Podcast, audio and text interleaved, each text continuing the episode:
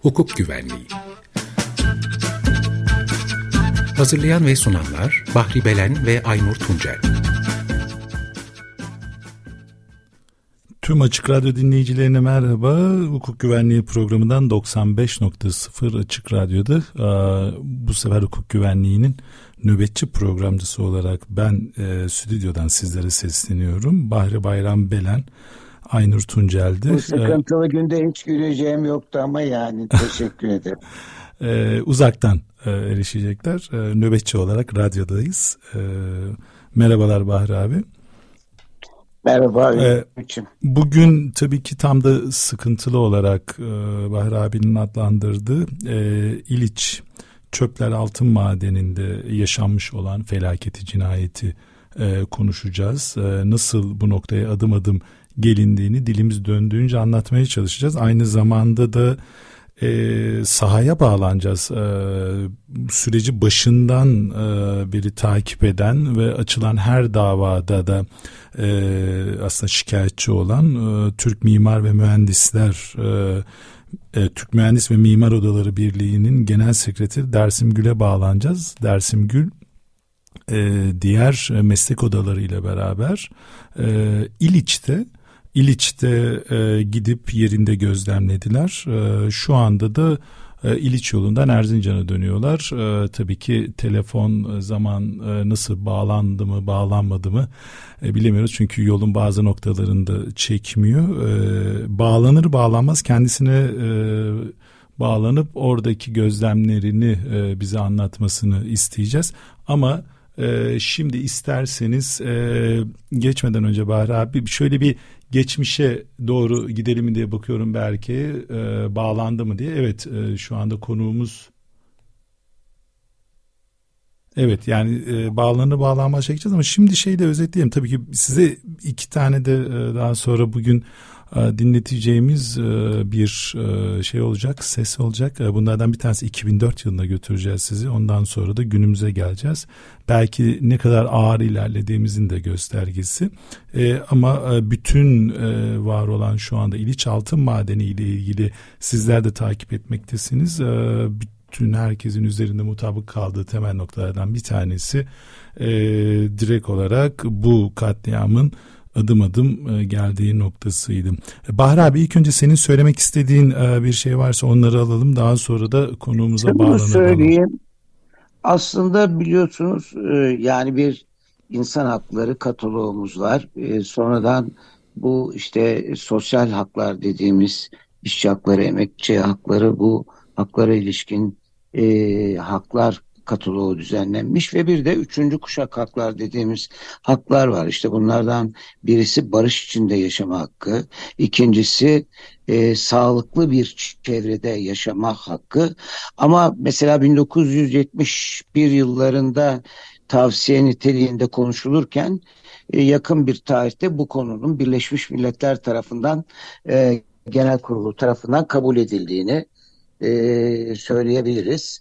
Yani Birleşmiş Milletler Genel Kurulu bir insan hakkı olarak güvenli, temiz, sağlıklı ve sürdürülebilir çevre hakkı diye tanımlamış ve bu 8 e, ülkenin e, karşı oyu değil ama çekinser oyuyla 28 Temmuz 2002 tarihinde Birleşmiş Milletler Genel Kurulu tarafından kabul edilmiş 161 oyla. Bu önemli bir aşama olarak e, değerlendirilmelidir. Tabii insan hakları ve Avrupa İnsan Hakları Sözleşmesi'ndeki hakların özellikle mahkeme kararlarıyla birlikte e, yaşama geçmesi konusunda bir sürü sıkıntı var ama Birleşmiş Milletler'in bunu yani temiz, sağlıklı ve sürdürülebilir çevre hakkı olarak üçüncü kuşak haklar içerisinde bir şeye alması, e, karar altına alması önemli bir şey.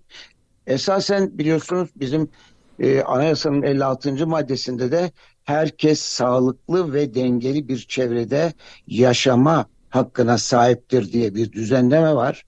Bu 1961 Anayasası'nda 49. maddeyle sağlıklı bir çevrede sağlıklı bir şekilde yaşama hakkı diye düzenlenmişti ve burada her iki anayasadaki bu düzenlemeler devlete objektif e, ve somut yükümlülükler getiriyordu.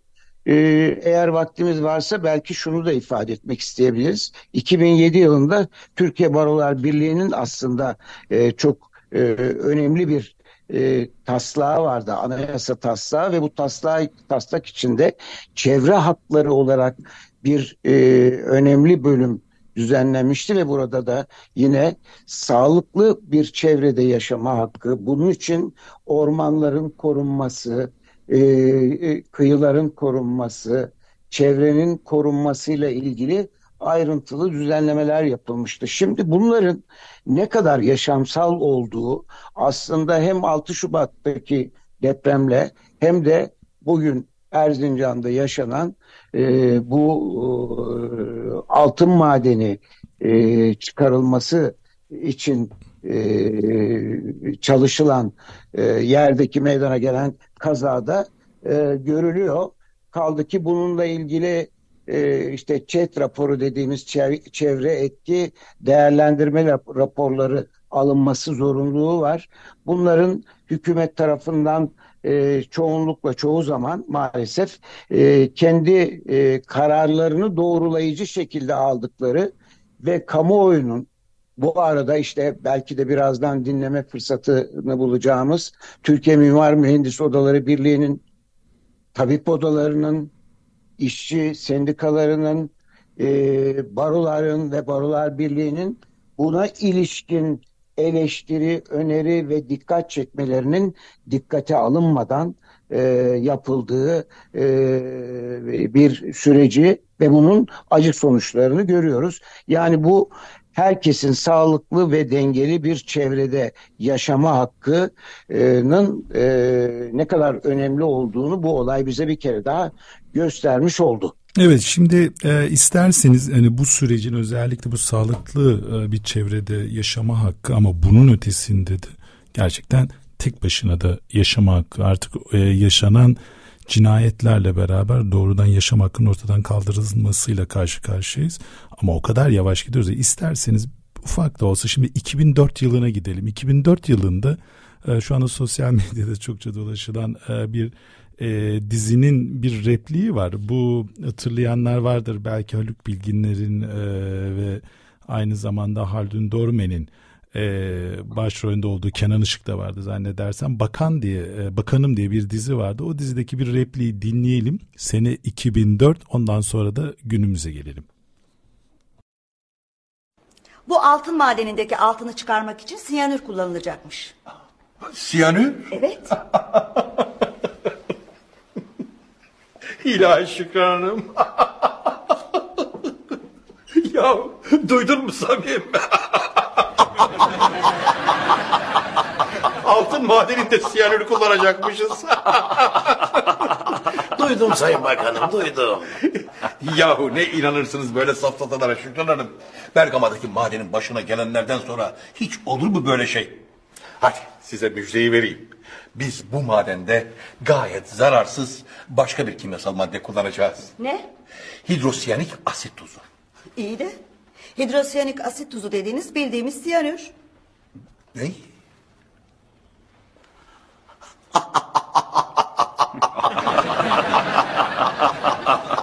Duydunuz mu Sayın Bakanım? Hala siyanür diyor.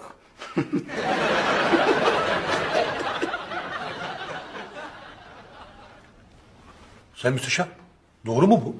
Sayın Bakanım şöyle izah edeyim. Şimdi hidrosiyanik asit tuzu kelimesinde siyanik sözcüğü var ya. Herhalde sayın milletvekili oradan çağrışımla siyanür sandı. Bence hatalı bir yaklaşım. Şimdi bir kelimenin içinde o kelime var diye maddeyi de o sanırsak işin altından kalkamayız değil mi efendim? Örneğin kadın budu köfte. Bu köftede kadın var mı? Yok. But var mı? Yok. Ya da ne bileyim kol böreği. Kol böreğinin içinde kol var mı? Yok. Ya da kol demişken kol kırılır yen içinde kalır. Kırılan kolun içinde yen var mı? Yok. Sonra vezir parmağı. Sayın Müsteşar, bana siyanürle hidrosiyanik asit tuzu arasında ne fark var söyler misiniz lütfen? Sene 2004, 2004'te e, özellikle e, cümlelerin altını çizerek söyleyeceğim. Hatırlar mısın Bahri abi bu diziyi bilmiyorum ama orada e, özellikle bakanın şu sözü Bergama'daki durumdan sonra böyle bir şey olabilir mi noktası ve tabii ki 2004'te siyanürün kendisi bile ağza alınacak durumda değilmiş hidrojenik asit tuzu e, diye söyleniyor. Sene 2004. E, hatırlar mısın diziyi ilk önce onu söyleyeyim. E, yani hatırladım. Şimdi tabii ki 2004'ten bu yana e, daha sonra da 2024'e gelelim aradan 20 sene e, geçince yine bir siyasetçi bakanlık ve başbakanlıkta yapmış. Şimdi isterseniz onu dinleyelim. Önce orada bir e, siyanür sızıntısı olmuştu aynı bölgede. Yeni bir siyanür sızıntısı söz konusu mu? Orada siyanür boruları geçtiği söyleniyor. Arkadaşlar bu yönde herhangi bir e, olumsuzluk yok. Verilen bilgi bu yönde. Aradan 20 yıl geçtikten sonra hidrosiyonik asit tozu yerine artık e, siyanür e, denmeye başladı. Umarım aynı yavaşlıkta gitmez. 20 sene sonra da artık bu kadar havzanın içerisinde siyanürün bu kadar yoğun kullanıldığı bir yerde aslında bunun önlenemez bir şekilde e, havaya, e, oksijene karıştığı, e, oradaki en azından nehirle bütünleşme tehlikesinin çok çok yüksek olduğu. E, ama bunu açık radyo dinleyicileri için hatırlatmak istedik. Yani 2004 yılında e, adının geçtiği e, kelimeye bile gördüğünüz gibi hadi canım diyerek gülüyorduk. 2024 yılında ise siyanürün e, futbol sahası büyüklüğündeki sahalarda alanlarda toplanmasını artık kabullendik e, bir nehirin kenarında artık sadece suya karışmamış e, ve yayılmamış e, olması için dua eder duruma geldik. E, o arada e, sanıyorum dikkatli açık radyo dinleyicileri de e, anımsayabilir. E, siz bu konuya ilişkin Erzincan'da açılan dava konusunda duruşma öncesi e, alanın genişletilmesiyle ilgili e, bir e, bunun iptaline ilişkin e, bağlantı yapmışsınız. Evet. Bahri abi e, e, araya girerek bölüyorum çok kusura bakma. E, tam e, Türkiye e, Türk Mühendis ve Mimarlar Odası Birliği Genel Sekreteri Dersim Gülü'ne bağlanacaktık. Fakat İliç'ten kendisi döndüğü için kendisine ulaşmak e, mümkün olmuyor telefon. Çünkü çoğu yerde çekmiyor. Coğrafyayı e, bilmeyenler için Koşullar dağların arasında kalan şey. E, şimdi telefon öbür hattında yine e, bugün İliç'e giden ve o heyet içerisinde yer alan eğitimsel e, genel başkanı Kemal Irmak'la beraberiz. Kendisi Erzincan'dan bağlanıyor. Kemal Bey hoş geldiniz. Hoş bulduk. Teşekkür ederim. Ee, ilk önce e, bugün İliç'teydiniz. Ee, siz e, nedir gözlemleriniz bizlerle paylaşırsanız çok sevinirim. Ya açıkçası e, durum şu. Bizim e, sahaya bizimle birlikte hiç kimsenin sahaya girilmesine izin verilmiyor. Yani göçük alanına hatta Nizamiye kapısına kadar bile gitmemize izin verilmedi. Gerekçe güvenlik gerekçesi yanıyla haklı olabilir mi bilemiyorum. Yani sonuçta işin şöyle bir yanı var. Orada e, asitler var toprağa karışan daha önce e, bu altını çözümleme yöntemleriyle ilgili farklı sıkıntılar var. Biz sahaya alınmadık. E, ancak bugüne kadar yani e, göçün olduğu andan e, bugüne kadar oradaki göçük, göçük altında kalan insanlara dair e, henüz bir bilgi yok. Fakat şunu ifade edebilirim. Çok ciddi büyük iki felaketle karşı karşıya kalındığı net. E, oradan e, konuştuğumuz kişilerden edindiğimiz izlenim. Birincisi e, 10 milyon ton altında kalan 9 tane can var. İkincisi e, bunun bundan sonra hangi ekolojik, çevresel e, felaketlere neden olabileceği henüz çok da belli olmayan birçok e, ciddi problemle karşı karşıyayız. E, gerçi devlet yetkilileri bir takım açıklamalar yapıyorlar ve biz doğru e, açıklamalar yapıyoruz. Bizim yaptığımız açıklamalar dışındaki açıklamalara itibar etmeyin deniliyor ama bugüne kadar devlet yetkililerinin gerek e, İliç madeni ile ilgili gerekse Türkiye'deki birçok maden oralardaki işletilme biçimi e, altının çıkarılma biçimi ayrıştırma biçimine dair e, bunun zararlı olmadığına dair bir sürü bir şey anlattılar ama bugün gelinen noktada her şey tam da tersini bize ispat Peki, etti. Kemal Bey şeyi Ee, sormak isterim size. Siz e, bir heyet olarak gittiniz zannedersem. E, İliç'e gittiğiniz heyet içerisinde kimler vardı ve bir de İliç'te e, yani temas ettiğiniz kişilerde nasıl bir durum gözlemlediniz? E, biraz onları da anlatırsanız çok sevinirim. Şimdi İliç'e biz e, e, TUMOP Türkiye e, Mühendis Mimar Odaları Birliği'nden bir heyet, KESK'den bir heyet, e, 7 kişilik onların vardı, 7 kişilik de biz KESK heyeti vardı. Diğer taraftan biz oradayken e, DİSK Başkanı Arzu Çerkezoğlu da buraya geldi olay yerine. E, Türk Tabipleri Birliği'nden bir heyet var. E, dün e, maden mühendisleri odasından giden 3 arkadaşın e, sahaya değil de nizamiyeye kadar alındığı, onlara bir takım bilgiler verildiği ifade ediliyor. Ancak bizim e, göçük altında kalan bir e, aileyle benim, e, o aile çünkü e, tam göçük yerine kadar götürülmese bile oralara götürüldüğü, durumun bir vahamet olduğunu, e, çocuklarını hmm, onlarca metre altındaki toprak altından da çıkarılamayacağına dair de çok ciddi kaygı, üzüntü e, ve bir çöküntü içindeydiler.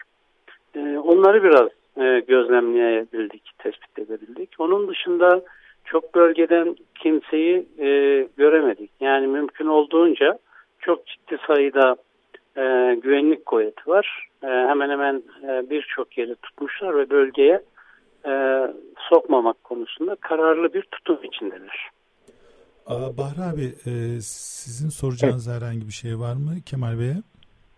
Şimdi ben e, tabii çevreye e, gözlemcilerin bile sokulmamasını, hiç kimsenin sokulmaması olayını e, haklı e, olarak e, görmek istiyorum. Çünkü yani burada e, hakikaten e, grafit kürelerinin fırında ısıtılarak altının alınmasından sonra geri kalan siyanürlü çamuru bir başka dağ haline yığdıkları ve buna da hatta Liç Dağı denildiği için buradan süzülen siyanürlü suların e, yüzlerce futbol sahası kadar büyüklükte e, oluşmuş dağların e, kayıp e, oradaki insanları e, altında bırakması ve bu toprağın aslında başlı başına bir tehlike oluşması nedeniyle e, bu önlemleri doğru buluyorum. Aslında bu noktaya gelinmemesi konusunda hem ben keskin hem tüm, e, e, Mimar Mühendisleri Odaları Birliği'nin, tabip odalarının,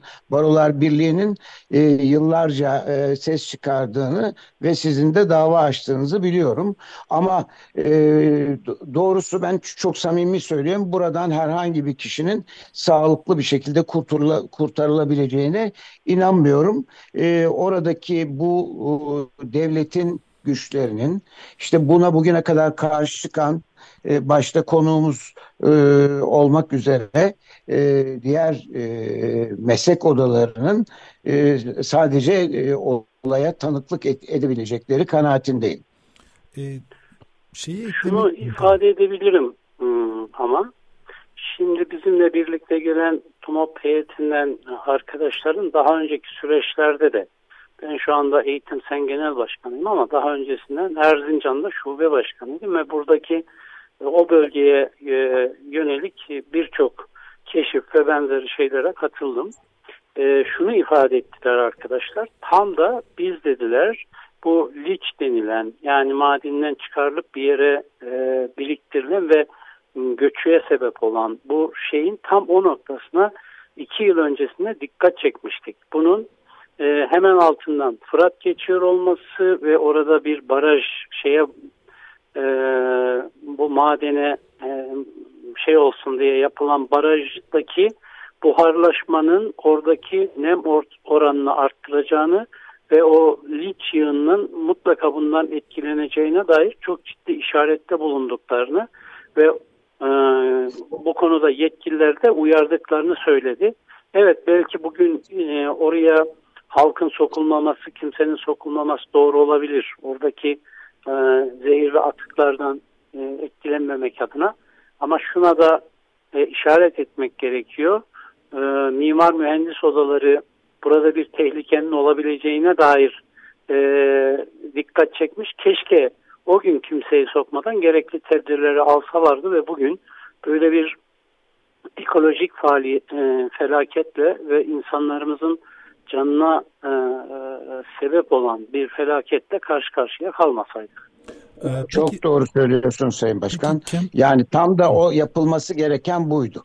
Peki Kemal evet. Bey şeyi sormak isterim. Ee, bu konuya ilişkin özellikle siyanür, siyanür karıştığı iddiaları tabii bir tedirginlik muhakkak yaratıyordur. Erzincan'da buna ilişkin e, oradaki yurttaşların çünkü siz biraz önce de bahsettiniz e, eğitim sen genel başkanı olarak aslında Erzincan dışında değil Erzincan'da çok uzun süredir e, yaşıyorsunuz orayı yakından biliyorsunuz.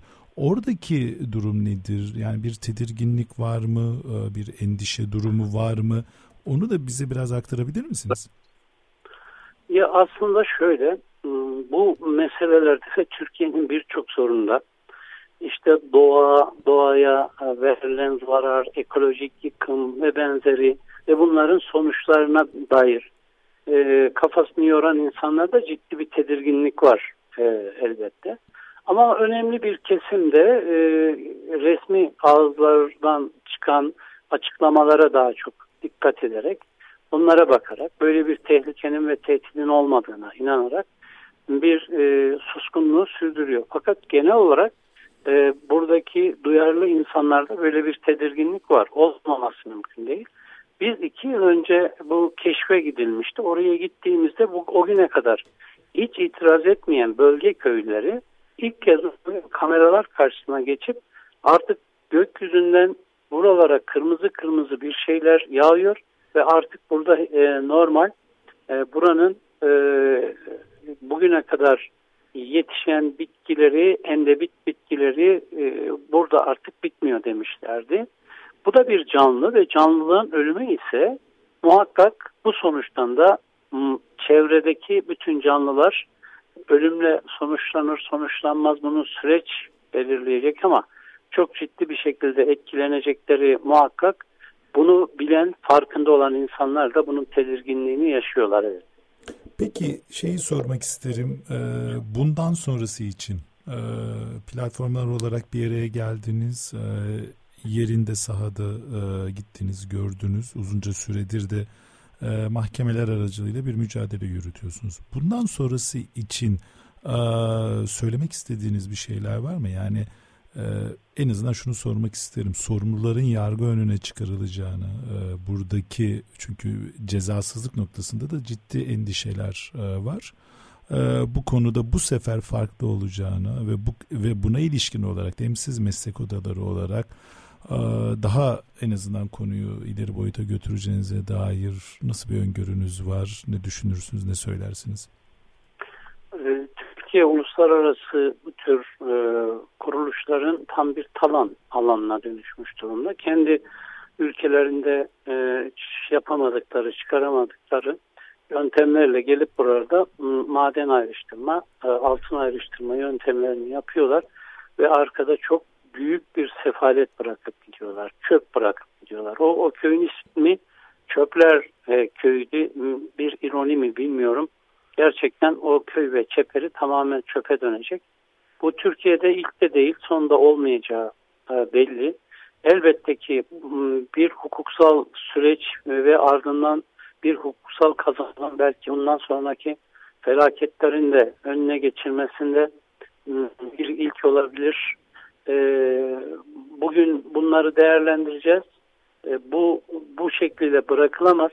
Ciddi bir hukuksal süreç e, başlatacağız. Bir, bir miktar konuştuk ama şimdi yeni geldik e, bir araya. Bunları enine boyuna konuşacağız. Bunun bunların sorumluların mutlaka yargı önüne çıkarılması gerekiyor. Peki e, bir de şeyi sorarım hani e, son benim en azından son sorum olsun ondan sonra Bahri abi eklemek istedikleri olur. E, şimdi Fırat hepimizin bildiği gibi yalnızca Erzincan değil farklı illerden geçerek uluslararası sınırların dışına çıkıyor. Ee, özellikle ilde Erzincan ilinde diğer illerde de yani bundan tedirginlik duyup gelen meslek odaları, sivil toplum kurumları var mı? Fırat Havzası içerisinde yer alan. Yani bu sorun şu anda en azından tehdit boyutunda siyanür ve benzeri en azından bunun tehdidi boyutunda yalnızca Erzincan'da sınırlı kalmadığını gösterir. Ee, sizin dikkatinizi çeken e, hususlar var mı? Varsa bunları bizlere aktarabilir misiniz lütfen? Ee, çevre illerden Bingöl'den ve Dersim'den e, e, olay yerine gelen arkadaşlar oldu belli e, tedirginliklerle. Lokasyon olarak şimdi e, Fırat'ın kolu olan Karasu e, ülke sınırlarına çıkana kadar 9 ilden ve birçok ilçeden geçerek e, ondan sonra ilk ülkenin içinden geçerek ondan sonra da denize gidiyor.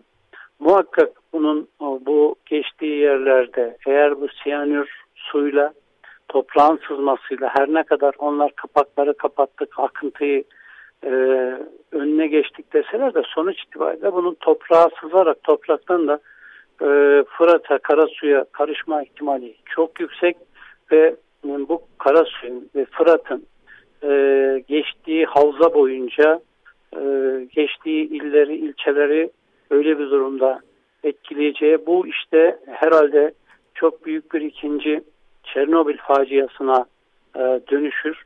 Umuyoruz ve diliyoruz ki gerçekten bunu bütün kötülüklerine rağmen yaptıkları kötülükler içinde, yaptığı açıklamalar içinde olumlu bir şeyler olsun ve bu sızıntı olmasın. Yoksa çok büyük bir coğrafi alan ve bu coğrafi alanda yaşayan insanlar ve diğer canlılar bundan çok kötü bir şekilde etkilenecek.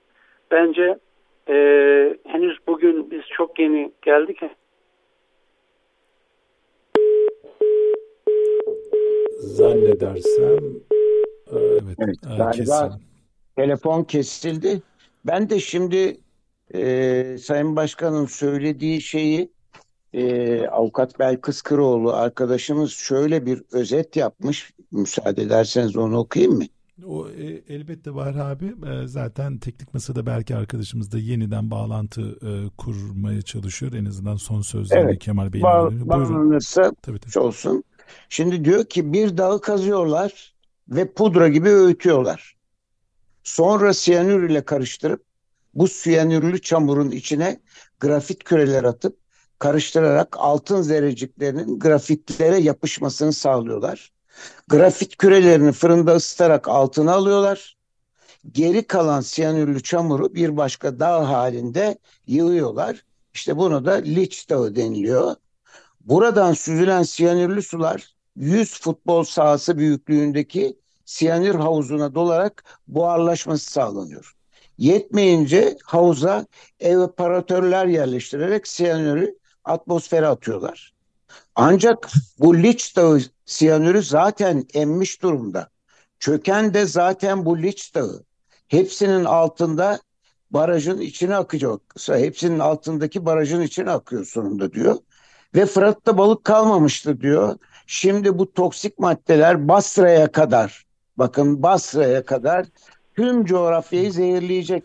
Bahri Fırat abi, boyunca e, pek ara, çok ara, araya şeyden giriyorum e, kusura bakma çünkü zor koşullarda yoldayken zannedersem e, Kemal Bey'e evet. şey yapıyoruz. E, Kemal Bey senin soracağın e, soru yoksa Kemal Bey'in son sözlerini belki eklemek istediklerini alıp isterseniz e, ondan sonra ara verip biz devam edelim Bahri abi ne dersin? Evet. Ee, tabii ki, tabii ki. Kemal Bey e, eklemek Kemal istediğiniz... Bey'e teşekkür ediyorum ben ayrıca. E, eklemek istediğiniz hani e, bir şey varsa onları alalım lütfen. E, yarıda kaldı evet. bilmiyorum tam anlaşıldı mı bilmiyorum. E, bu havza boyunca yani Fırat havzası boyunca tüm e, il ve ilçelerde yaşayan insanların bu tedirginliği ve kaygıyı e, yaşıyor olduğunu düşünüyorum. Umuyorum kaygının ötesine gitmez. Bu e, e, söylenilen e, ya da öngörülen e, tehditlerle karşı karşıya kalmamış oluruz e, diyorum. Ben e, başka soru yoksa size iyi yayınlar diliyorum. Çok teşekkür ederiz. Ee, bağlandınız bize Erzincan'daki durumu Sağ olun, aktardınız. Biz de bugün basın Ben de Bahri açıklamanızı, Bey'e de teşekkür ediyorum. Size de. e, basın açıklamanızı biz de yakından izleyeceğiz. Çok teşekkürler Ee, Çok sağ olun. Tamam kolay gelsin. Sağ teşekkür olun. ediyorum. Sağ olun Sağ, sağ olun başkan. Sağ olun eyvallah. Ee, Bahri abi e, Evet. şimdi herhalde e, biz devam edeceğiz ama istersen bir müzik arası verelim. Hemen şunu bitiriyorum. Tabii, Diyor ki Fırat Fırat'ta balık kalmamıştı. Şimdi bu toksik maddeler Basra'ya kadar tüm coğrafyayı zehirleyecek. Fırat boyunca pek çok tarla Fırat'tan sulanırdı. Üstüne ne kadar kapatabilecekler meçhul.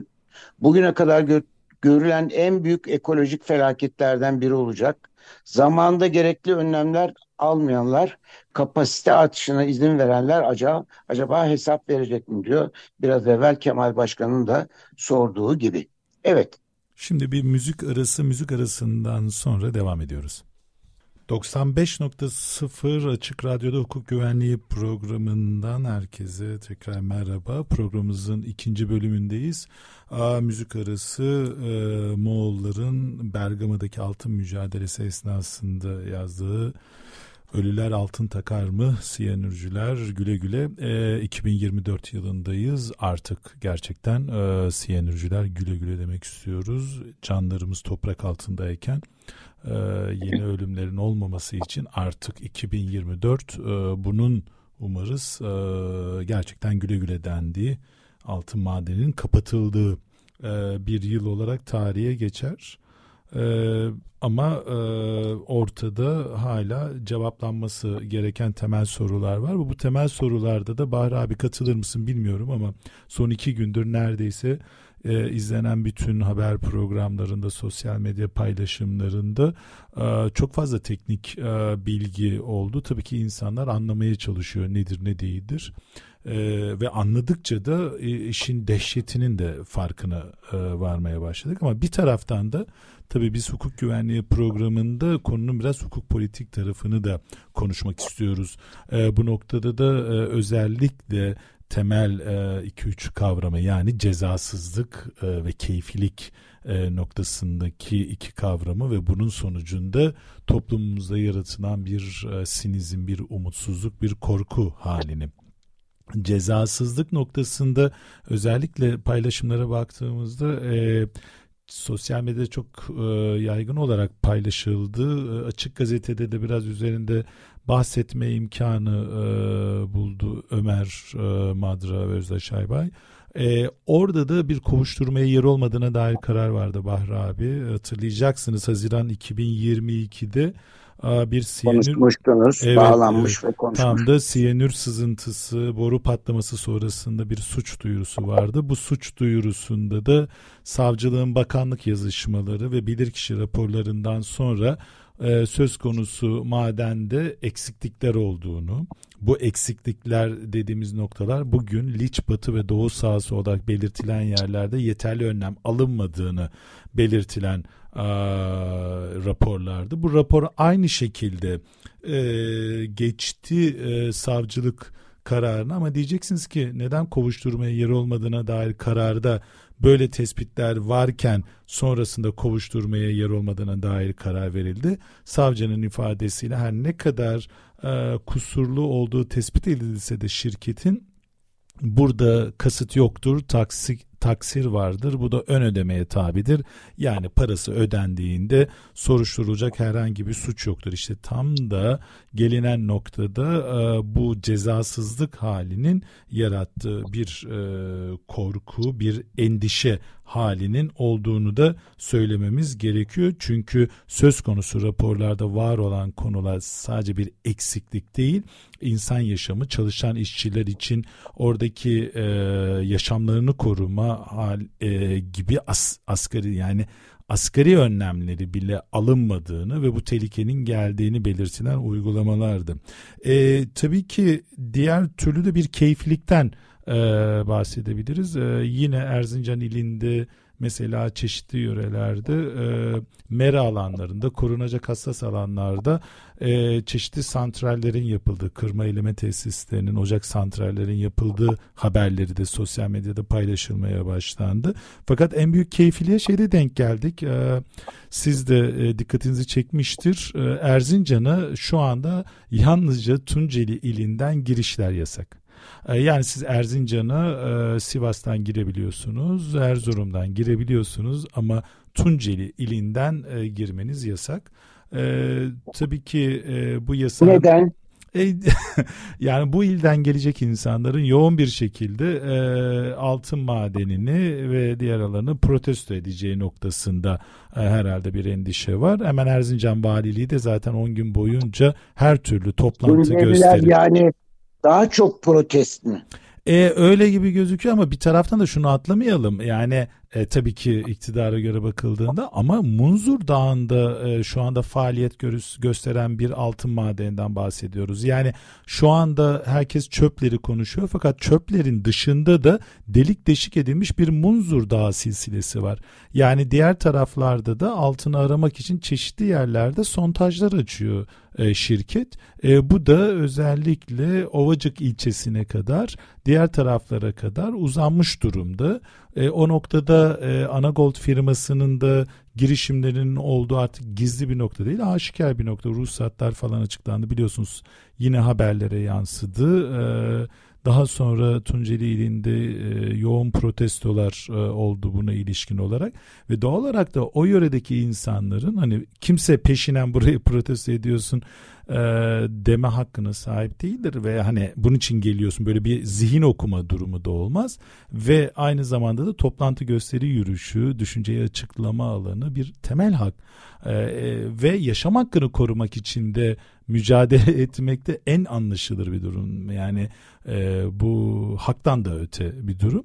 Doğal olarak da bu bölgede yaşayan insanların e, buna ilişkin endişe etmesi e, sahayı görmesi bu konu üzerine e, tabii ki seslerini duyurmaya çalışması, hukuki girişimlerde bulunması gibi e, gibi yani anlaşılmayacak bir durum yok.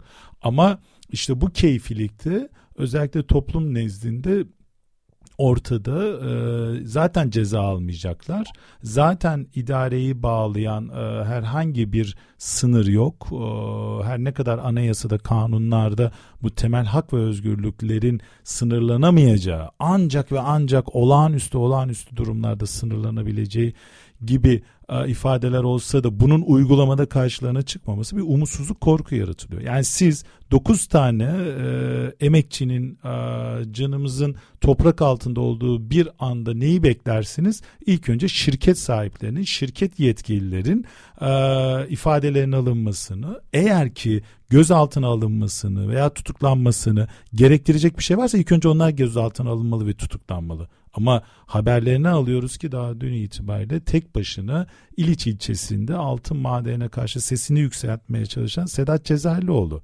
gözaltına alınıyor.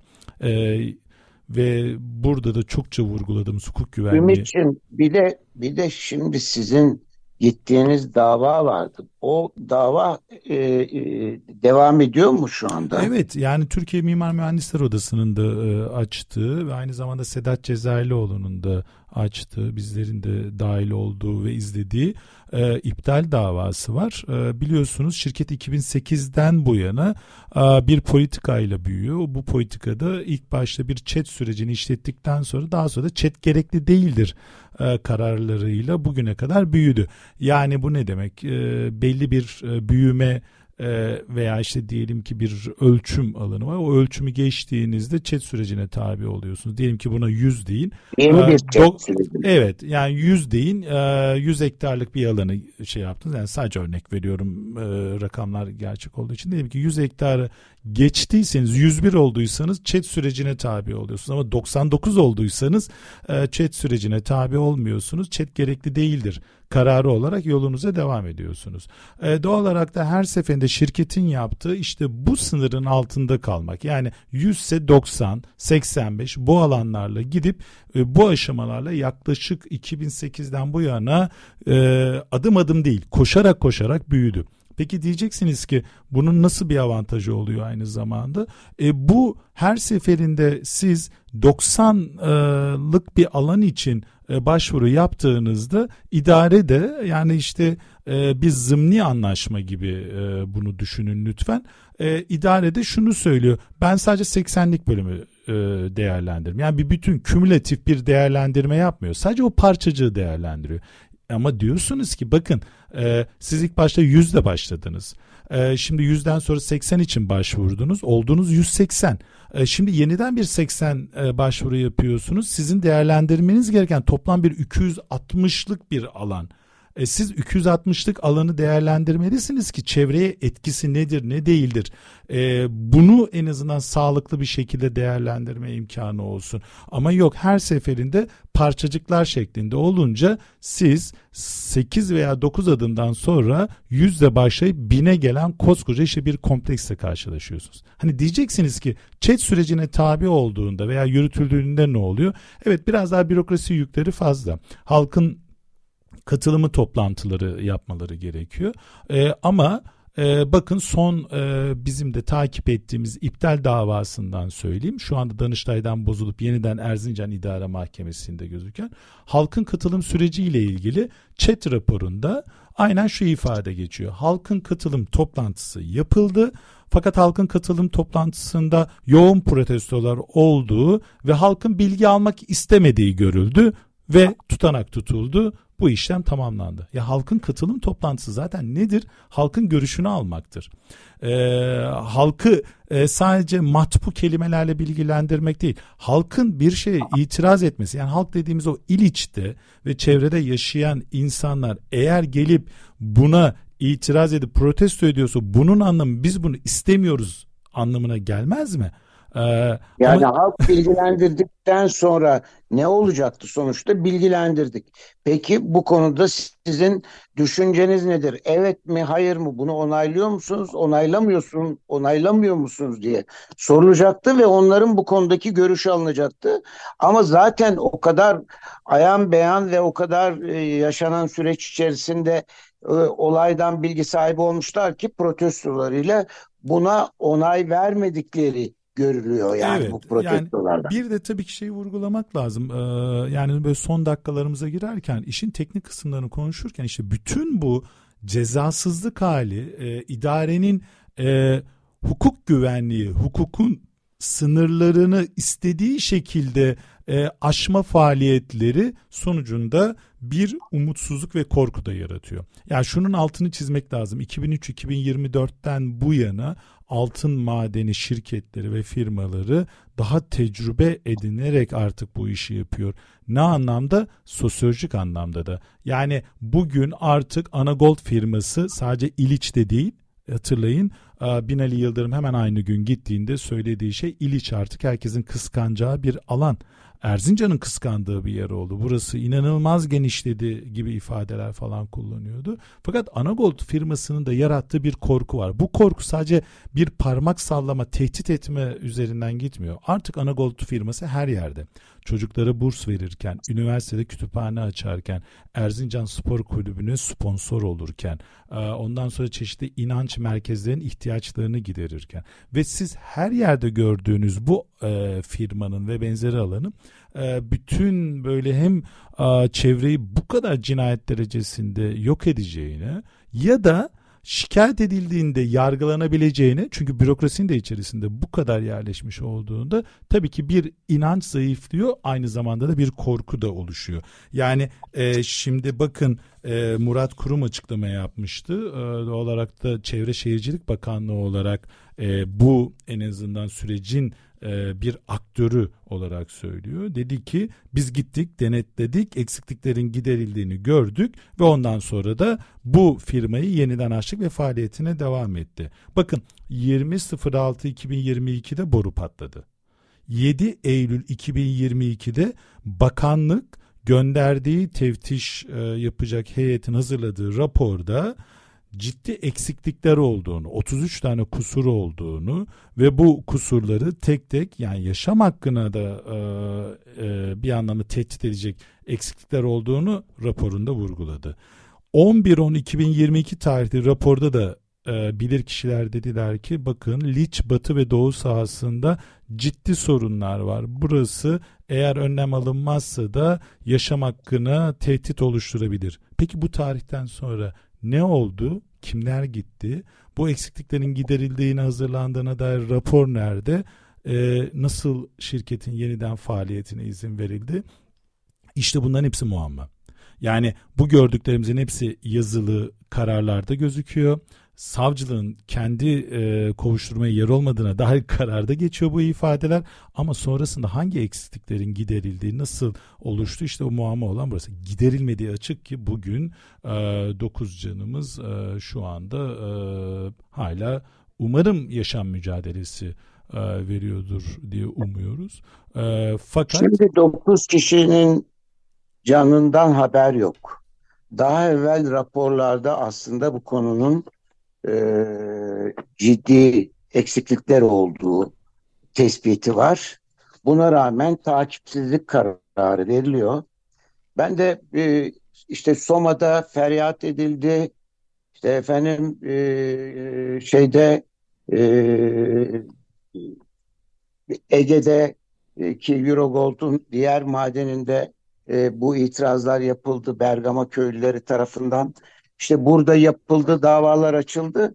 Aklıma bu İranlı şair ve yazarın Firuh Ferruhzat'ın bir dizesi, dizeleri geldi aklıma.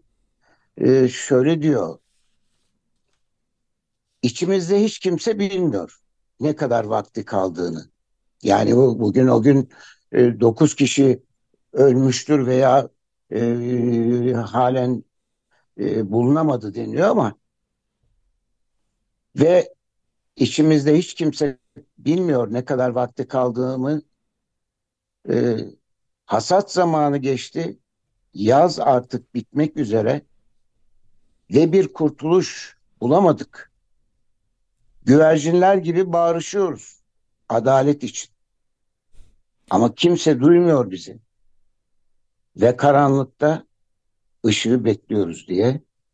Doğrusu e, bu dava ile ilgili özetlediğiniz süreç şu anda görünürde 9 kişinin yaşamıyla ilgili endişeli bekleyiş ve bence umutsuz bekleyiş.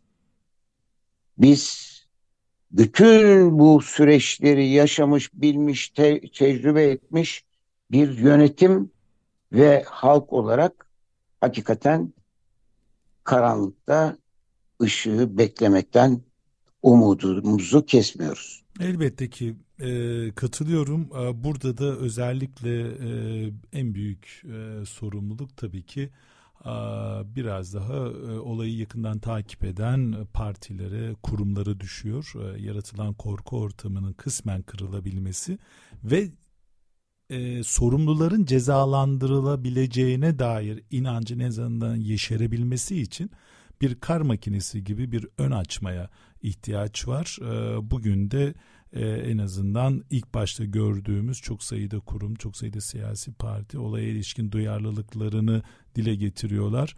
Umarız sürecin sonuna kadar da e, takip etmek e, ve sorumluların yargılanması için bir baskı oluşturmak çok önemli. Çünkü Altın... Niçin, niçin sorumlular cezalandırılsın ve cezasız kalmasın diyoruz. Yani birilerinin ceza almasından, hapis yatmasından veya birilerinin işte görevlerinden alınmasından zevk mi duyuyoruz? Hayır. Ama bu yanlışları yapanlar bir daha yapamasın diye bunun evet. için e, bu cezasızlıklara karşıyız. Hele devlet eliyle yapılanlar sonucu bundan sorumlu olan devlet görevlilerinin veya kamu görevlilerinin e, bir daha bunları yapmaması için cezasız kalmamaları gerekir. Cezasızlık yanlıştır. Cezasızlık hukuk güvensizliği yaratır diye feryat ediyoruz ve e, hakikaten güvercinler gibi bağırışıyoruz. Adalet diye, hukuk diye, hak diye ama kimse bizi duymuyor. Karanlıkta ışığı bekliyoruz. Ee, evet programımızın da son sürecine geldik. Orada ümitliyiz diye e, şey yapalım. Mücadeleyi bırakmak yok. Ee, tabii ki en temel şeylerden bir tanesi de 2004'ten bu yana bu kadar yavaş gidip artık 2024'te siyanür diyebilmişken e, şunu da aykırmak istiyoruz. Yaşam bir haktır. Hepimiz için, tüm canlılar için ve sahip çıkmaya devam edeceğiz. Bir sonraki hukuk güvenliği programında görüşmek dileğiyle herkese hoşçakalın. Sağlıcakla kalın. Emeğe geçen e, programın hazırlanmasındaki e, arkadaşlara e, teşekkür ederim.